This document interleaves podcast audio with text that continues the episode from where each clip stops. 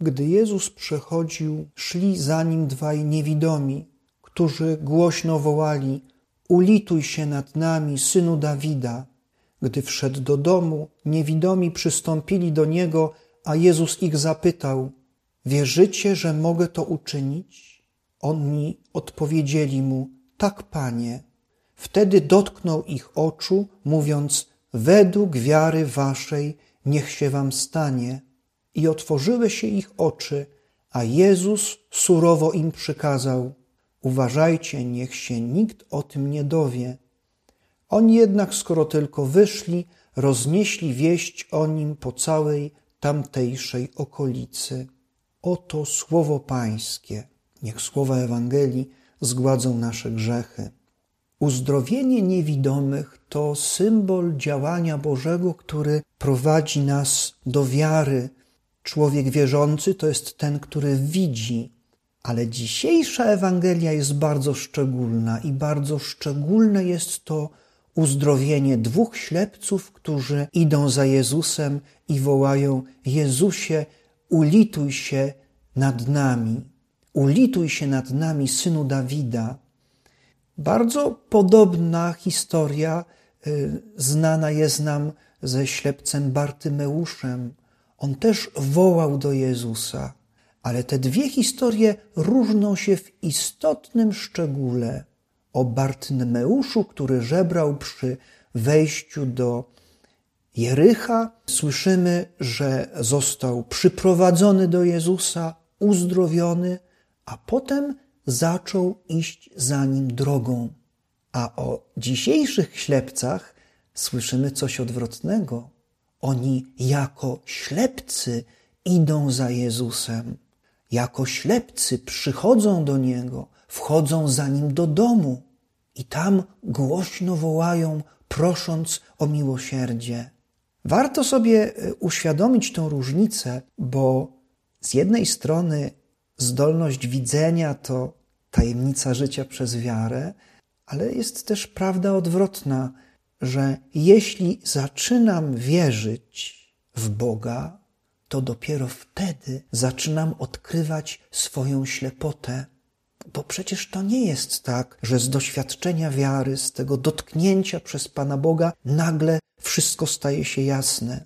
Gdy człowiek idzie drogą wiary, to bardziej we własnym doświadczeniu życiowym i doświadczeniu wiary, doświadczeniu Boga, doświadczeniu modlitwy, bardziej ma poczucie, że ciągle większości spraw nie rozumie, nie wie, nie wie o co w tym wszystkim chodzi. Takie jest także moje doświadczenie. I stosunkowo często, gdy ja się zmagałem z takim wewnętrznym doświadczeniem, Panie Boże, ja nic z tego nie rozumiem, nie wiem o co chodzi. Bardzo często wracało do mnie słowo z księgi proroka Izajasza. To jest 42 rozdział, czyli jest to ten przepiękny opis, pierwsza pieśń sługi pańskiego, czyli ten proroczy opis, prorocza zapowiedź o Mesjaszu. Taka piękna zapowiedź, gdzie to sam Bóg najpierw opowiada o tym, jaki będzie Mesjasz. Jest to ta pierwsza pieśń, która mówi o delikatności Mesjasza, że nie będzie wołał, nie będzie podnosił głosu, nie złamie trzciny nadłamanej, nie zgasi ledwo tlącego się knotka, delikatność Boga, czułość Boga, wrażliwość Boga. A potem Bóg zwraca się do tego sługi pańskiego i mówi: Ja pan powołałem cię słusznie, ująłem cię za rękę, ukształtowałem. I dalej wyjaśnia: abyś otworzył oczy niewidomym, abyś z zamknięcia wypuścił jeńców, z więzienia tych, co mieszkają w ciemności. I teraz kawałeczek dalej, kilka wersów dalej. Bóg zapowiada o swoim Mesjaszu tak. Sprawię, że niewidomi pójdą po nieznanej drodze, powiodę ich ścieżkami, których nie znają. Ciemności zamienię przed nimi w światło, a wyboiste miejsca w równinę. To są rzeczy, których dokonam i nie zaniecham. Zobaczcie, paradoks tych słów. Mesjasz przychodzi, aby uzdrowić oczy niewidomych, ale równocześnie zapewnia, sprawie, że niewidomi pójdą po nieznanej drodze. Dokładnie to słyszymy w Ewangelii. To ślepcy idą za Jezusem i to ślepcy dlatego, że wybrali Jezusa, poszli, szukali Go, szukali Jego drogi. Właśnie dlatego doświadczyli uzdrowienia. Oni już byli wierzący, dlatego Jezus zapytał się, czy wierzycie? Tak, wierzymy. Oni mieli już wiarę. To byli wierzący ludzie i wierzę, że jesteśmy zaproszeni, abyśmy dzisiaj w tych ślepcach się odnaleźli. Przebudzenie, do którego nas dzisiaj prowadzi Pan Bóg, to takie wewnętrzne odkrycie, że ja niewidomy mogę iść po nieznanej drodze, Przebudzenie polegające na takim nowym zaufaniu Panu Bogu, że ja nie muszę rozumieć, o co chodzi w moim życiu, nie muszę zapanować intelektualnie nad swoim życiem. Mam zaufanie do Pana Boga, wiem, że On mnie prowadzi i wiem, że mnie prowadzi jako ślepca i dopiero posłuszeństwo Bogu, uległość na tej drodze Bożej prowadzi mnie do przejrzenia bo przejrzenie, które dokonuje się poprzez wiarę, dokonuje się równocześnie w porządku miłości. Bóg stopniowo jest w stanie mi objawić tajemnicę tego, co było przede mną ukryte, o ile ja wzrastam w miłości, a wzrastam w miłości wtedy, kiedy jestem na drodze Bożej, czyli kiedy jestem uległy wobec Bożego prowadzenia. A więc kolejność jest taka. Najpierw jest moment jakiegoś pierwszego przełomu, kiedy zaczyna mnie dotykać realność Boga.